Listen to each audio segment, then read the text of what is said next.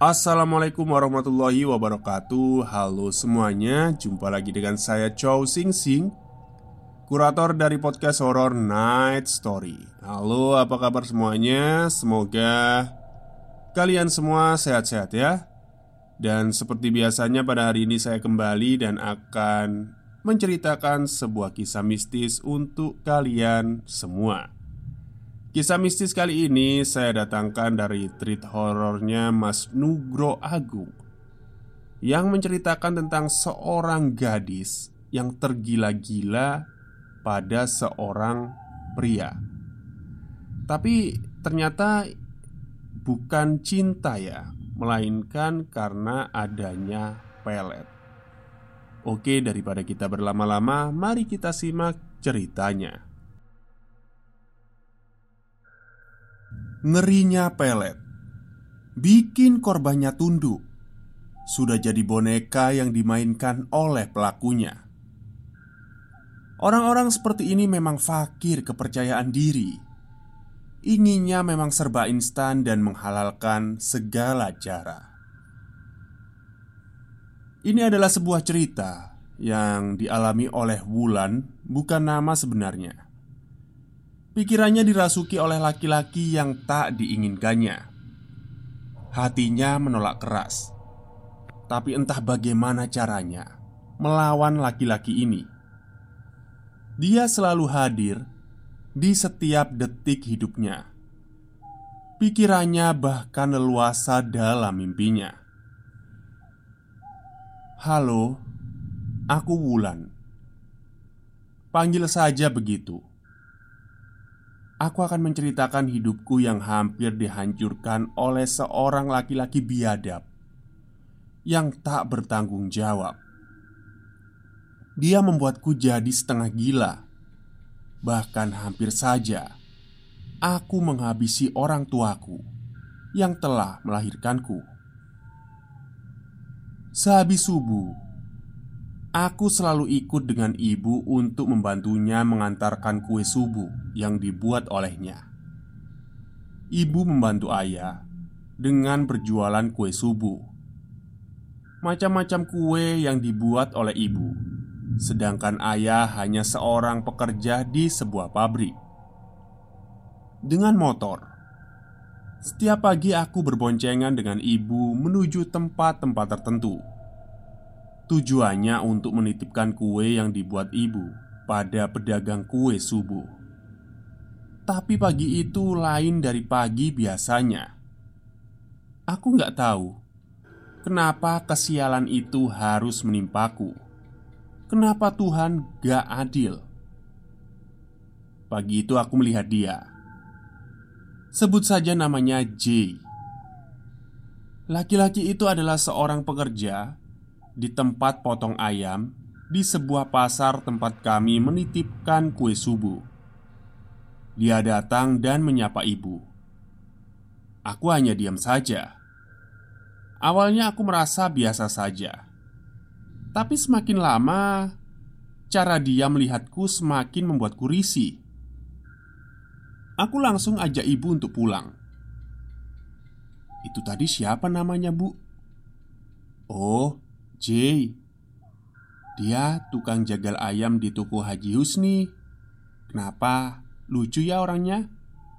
Ibu sengaja meledekku Apanya yang lucu? Bikin gak nyaman Dia liatin Wulan terus bu Ya berarti anak ibu cantik dong Kalau sampai diliatin sama laki-laki Ih, apaan sih bu? Ya kalau yang lihat pegawai bank, tentara, atau polisi beda.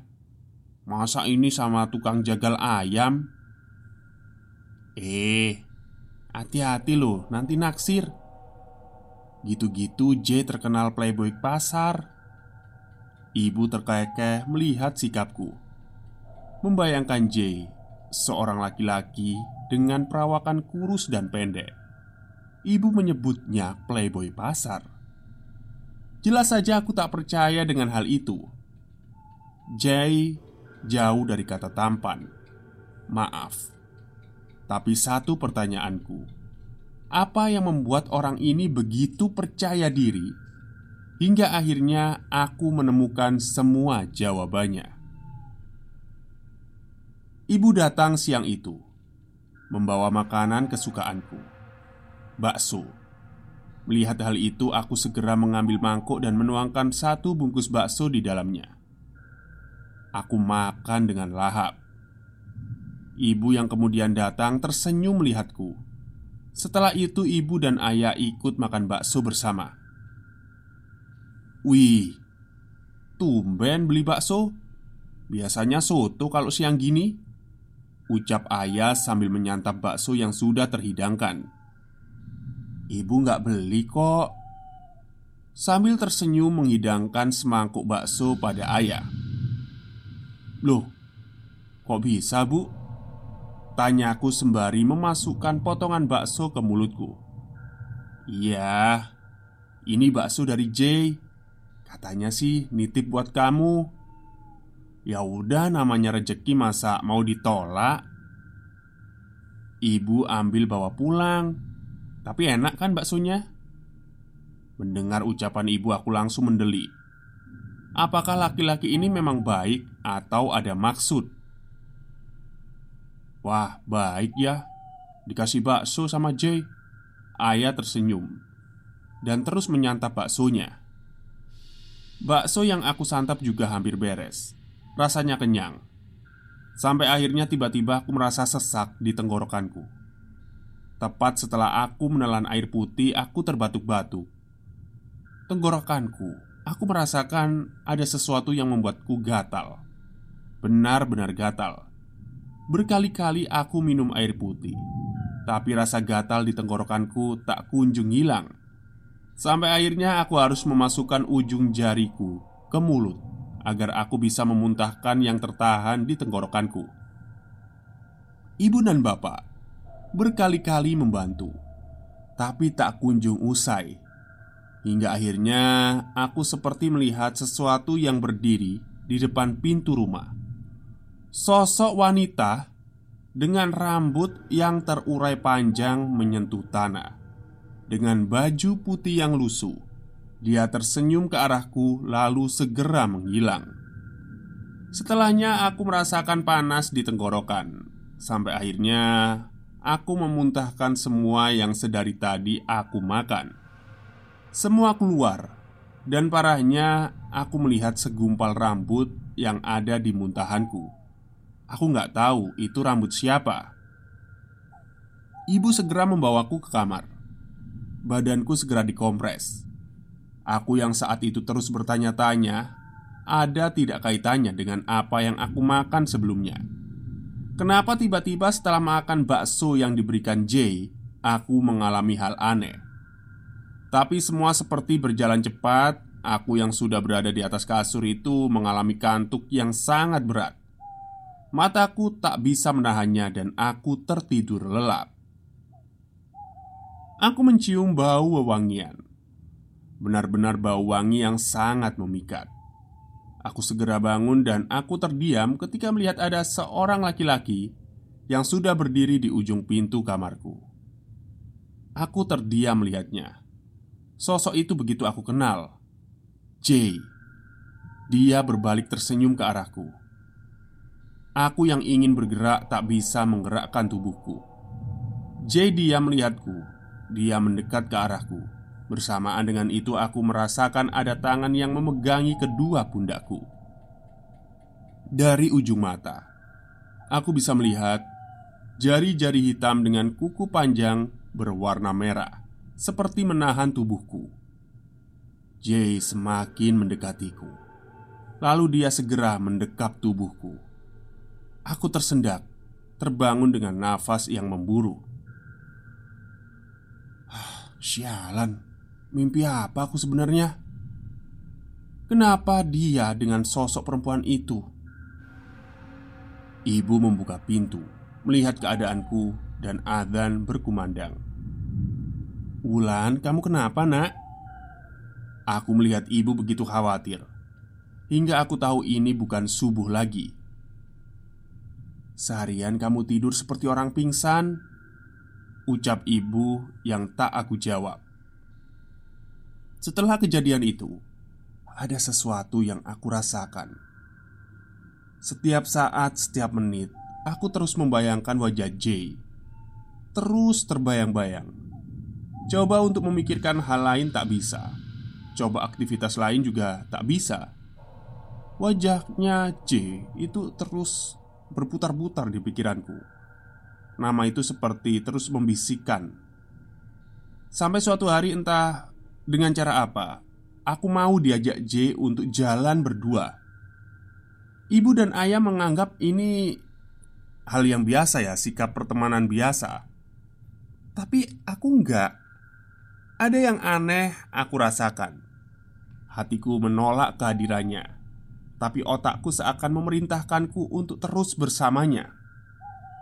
Pernah suatu ketika ada hal janggal dialami oleh Ismi teman sekelasku.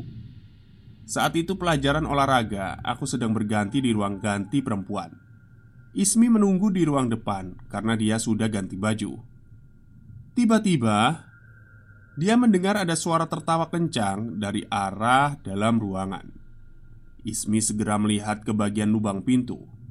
Ismi terdiam, dia tidak bergerak. Dia melihat sosok perempuan tinggi berdiri di belakangku saat aku sedang mengganti baju. Setelah melihat itu, Ismi lalu menggedor pintu kencang yang segera aku buka. "Ada apa sih, Mi? Kok kayak orang kesurupan gitu?" tanyaku. "Eh, Lan, mending kamu dirukia deh. Sumpah, tadi aku lihat ada perempuan rambutnya ngiket badan kamu. Dia nempel di badan kamu, Lan." Aku terdiam dan hanya tersenyum ke arah Ismi. Maksudmu apa sih, Mi? Aku masih nggak paham Lan, kamu ketempelan Aku bawa ke Abah aja ya Pinta Ismi setengah memaksa Aku hanya mengangguk Tapi tidak mengiyakan Kejadian aneh itu segera kami akhiri Dan aku, Ismi Lalu ikut pelajaran olahraga Pulang sekolah, aku langsung dijemput oleh Jay. Dia sudah nongkrong di depan gerbang menungguku. Masih terasa aneh. Setiap ucapan Jay tak bisa aku tolak. Semua perkataannya aku turuti. Aku benar-benar dibuat takluk oleh laki-laki ini.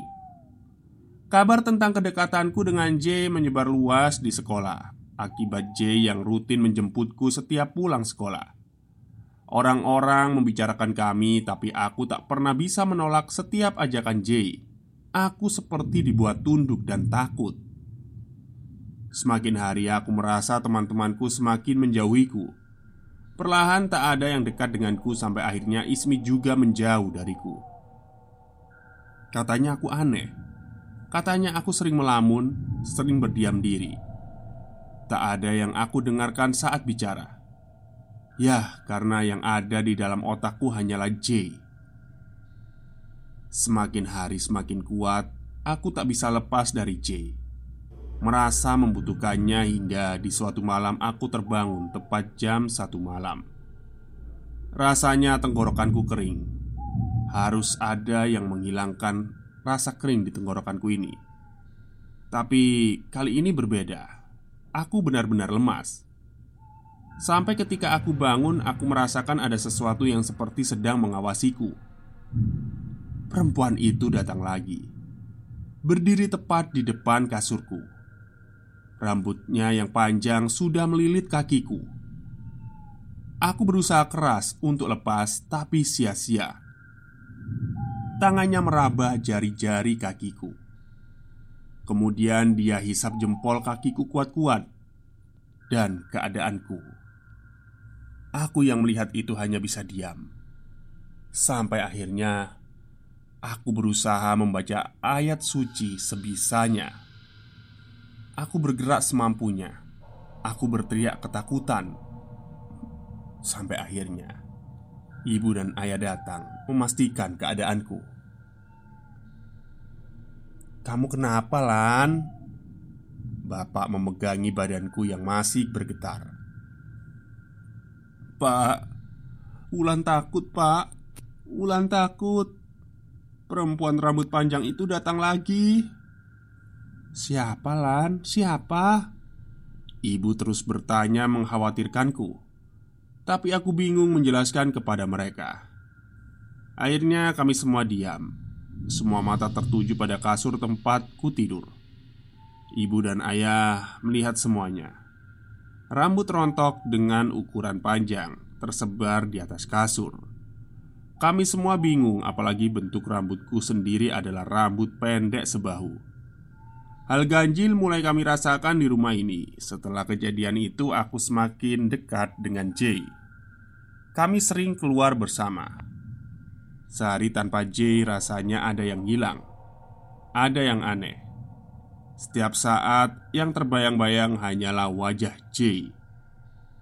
Melihat apa pun yang terbayang adalah Jay. Kamar dinding figura apa pun yang aku lihat adalah J. Aku berusaha berontak, tapi aku tak bisa. Semuanya seperti ada yang dikendalikan. Hingga suatu saat, ayah mulai risih dengan kehadiran J.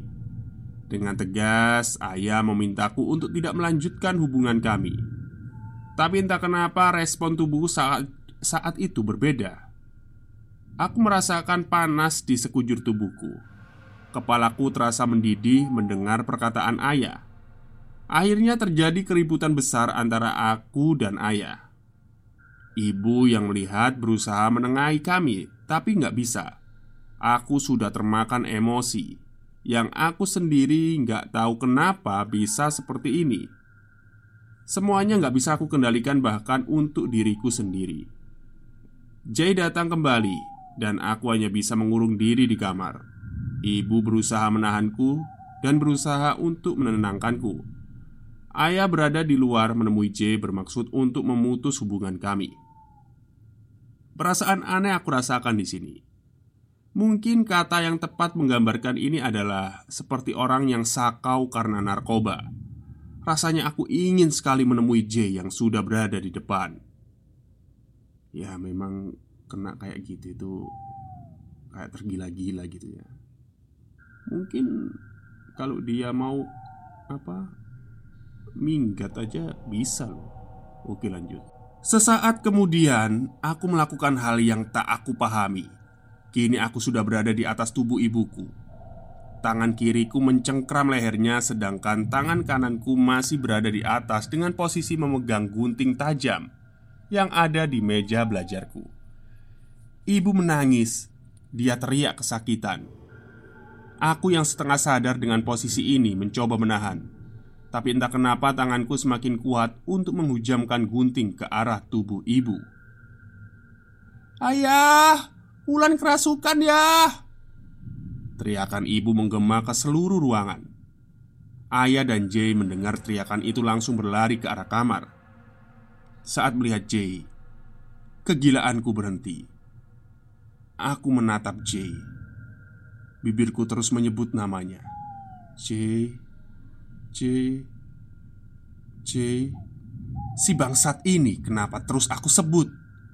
Kenapa aku tak bisa merespon dan mengendalikan tubuhku seakan semua sudah ada di kendalinya? Ulan, diem, jangan sakiti ibumu.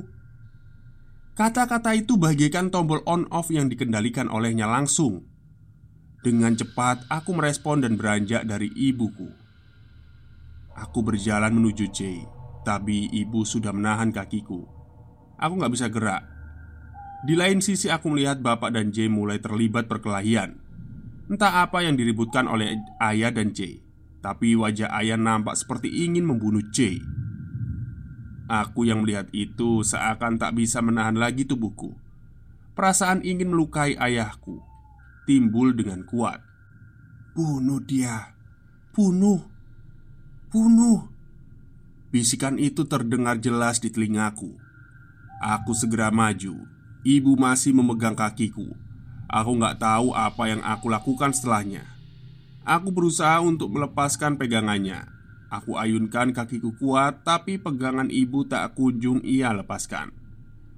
Aku tendang kuat ke arah wajahnya. Ibu terkapar terkena tendanganku. Aku lalu bergerak maju berusaha membantu Jay yang sudah terpojok oleh ayah. Tapi lagi-lagi kakiku terhenti. Aku marah dan kejadian itu tak bisa terhindarkan. Berkali-kali aku tendang wajah ibu. Aku melihat jelas itu. Dalam lubuk hatiku aku berusaha menghentikannya, berusaha untuk tidak melukai ibu.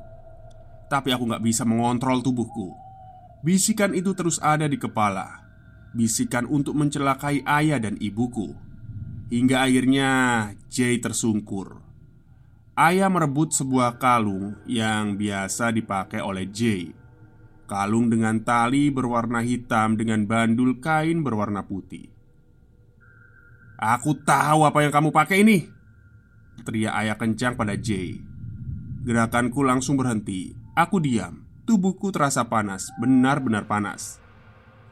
Ayah lalu mengeluarkan sebuah botol berisikan air putih dalam kemasannya. Tertempel sebuah kertas bertuliskan huruf Arab gundul. Ayah kemudian langsung melemparkan kalung itu yang dipakai Jill dan menyiramnya dengan air yang ada di botol. Aku meronta kesakitan, merasa panas dan sangat sakit di badanku. Aku tertunduk lemas. Setelahnya, Aku melihat dengan jelas sosok wanita itu berada di atas tubuhku Menyeringai dengan wajah sangat marah. Kemudian wanita itu lalu mencekikku. Rambut panjangnya bergerak melilit bagian tubuhku Dan membekap mulutku. Aku gak bisa menggerakkan badannya. Badanku ya maksudnya ya mungkin ya. Tiba-tiba aku melihat ada sosok wanita yang berambut panjang itu perlahan hilang Seperti tersapu terbawa angin Aku yang masih lemas di lantai melihat ayah sudah merobek kain berwarna putih yang dipakai J pada kalungnya Kain itu berisikan gumpalan rambut hitam panjang. J kemudian melarikan diri. Dia kabur dari rumah meninggalkan kekacauan ini. Ayah nggak sempat mengejarnya. Ia lebih membiarkannya ber pergi, sedangkan ibu langsung memelukku erat. Setelah kejadian itu, aku merasakan berat di kepalaku perlahan hilang, dan aku pingsan. Sehari setelahnya, aku baru bangun. Ibu dan ayah sempat khawatir sampai aku dibawa ke ustadz dan melakukan pengajian, melantunkan ayat suci semalaman yang mungkin berguna untuk mengusir hal negatif yang ada di rumahku dan diriku. Setelah kejadian itu, aku dibersihkan. Saat pembersihan itu, lagi-lagi perutku merasa mual dan amat sangat berat. Padahal aku hanya makan sedikit. Setelah itu, aku muntah, mengeluarkan banyak cairan hitam dan juga gumpalan rambut. Pak Ustadz bilang, J laki-laki itu menggunakan rambut pemikat yang diambil dari jin wanita dengan rambut panjang menjuntai. Jin inilah yang menempel di badanku. Parahnya Pak Ustadz bilang jika dibiarkan Maka nantinya jiwaku akan dihisap oleh jin ini. Sebagai syarat yang sudah disepakati antara J dan sosok tersebut Ayah juga sudah memusnahkan gumpalan rambut itu. Dibakarnya agar semuanya bisa hilang. Api harus dikembalikan pada api. Ya mungkin itu yang bisa aku ceritakan tentang pengalamanku mas Ternyata kecantikan juga bisa mendatangkan petaka. J menggunakannya, memikatku dan membuatku untuk selalu memikirkannya. Salahku juga menyebutnya dengan kata amit-amit dan ya secara nggak langsung menghinanya. Mungkin itu yang menjadi pemicu sumpah yang diucapkan J bisa terlaksana dan berjalan padaku. Terima kasih sudah membaca ceritaku. Ya, cerita yang sangat menarik dan banyak kita jumpai ya di kehidupan sehari-hari tentang pelet. Cuman metodenya memang berbeda-beda ya. Ada yang uh, mungkin kayak tadi ada tanda-tandanya ya kayak tadi itu siapa si Wulan itu bangun tidur kasurnya banyak rambutnya atau gimana gitu kan mungkin ada tanda-tanda lain pusing atau apa badan sakit semua atau gimana gitu ya terus juga nggak mesti di kalung ya. Kalau tadi kan J pakai kalung, ada yang biasanya itu kebanyakan disimpan di dompet. Jadi ke mana-mana dibawa, disimpan di dompet, gitu. Ya banyak sih metodenya. Dan orang kayak gitu itu kalau udah kena apa namanya pelet ya, segala cara itu kayak demi dia gitu. Istilahnya orang tua yang sudah membesarkan dia, yang sudah mengasihani dia, menyayangi dia itu kayak nggak ada apa-apanya di hadapan barang seperti itu. Mau dibunuh ya dibunuh, dilawan dilawan gitu demi pria yang ini, yang melek dia ini. Mau pergi ya pergi, minggat minggat kayak gitu sih. Ya, mungkin itu saja ya. Dan bagi para perempuan yang mungkin ada ciri-ciri seperti ini ya hati-hati ya. ya saya nggak nggak ini ya nggak seudon sama pasangan kalian atau pacar kalian. Bukan suami istri loh ya. Eh, pasangan kalian atau pacar kalian tapi ya hati-hatilah untuk para perempuan juga. Tapi ini juga berlaku untuk laki-laki. Oke, mungkin itu saja cerita dari saya hari ini. Semoga kalian suka. Assalamualaikum warahmatullahi wabarakatuh.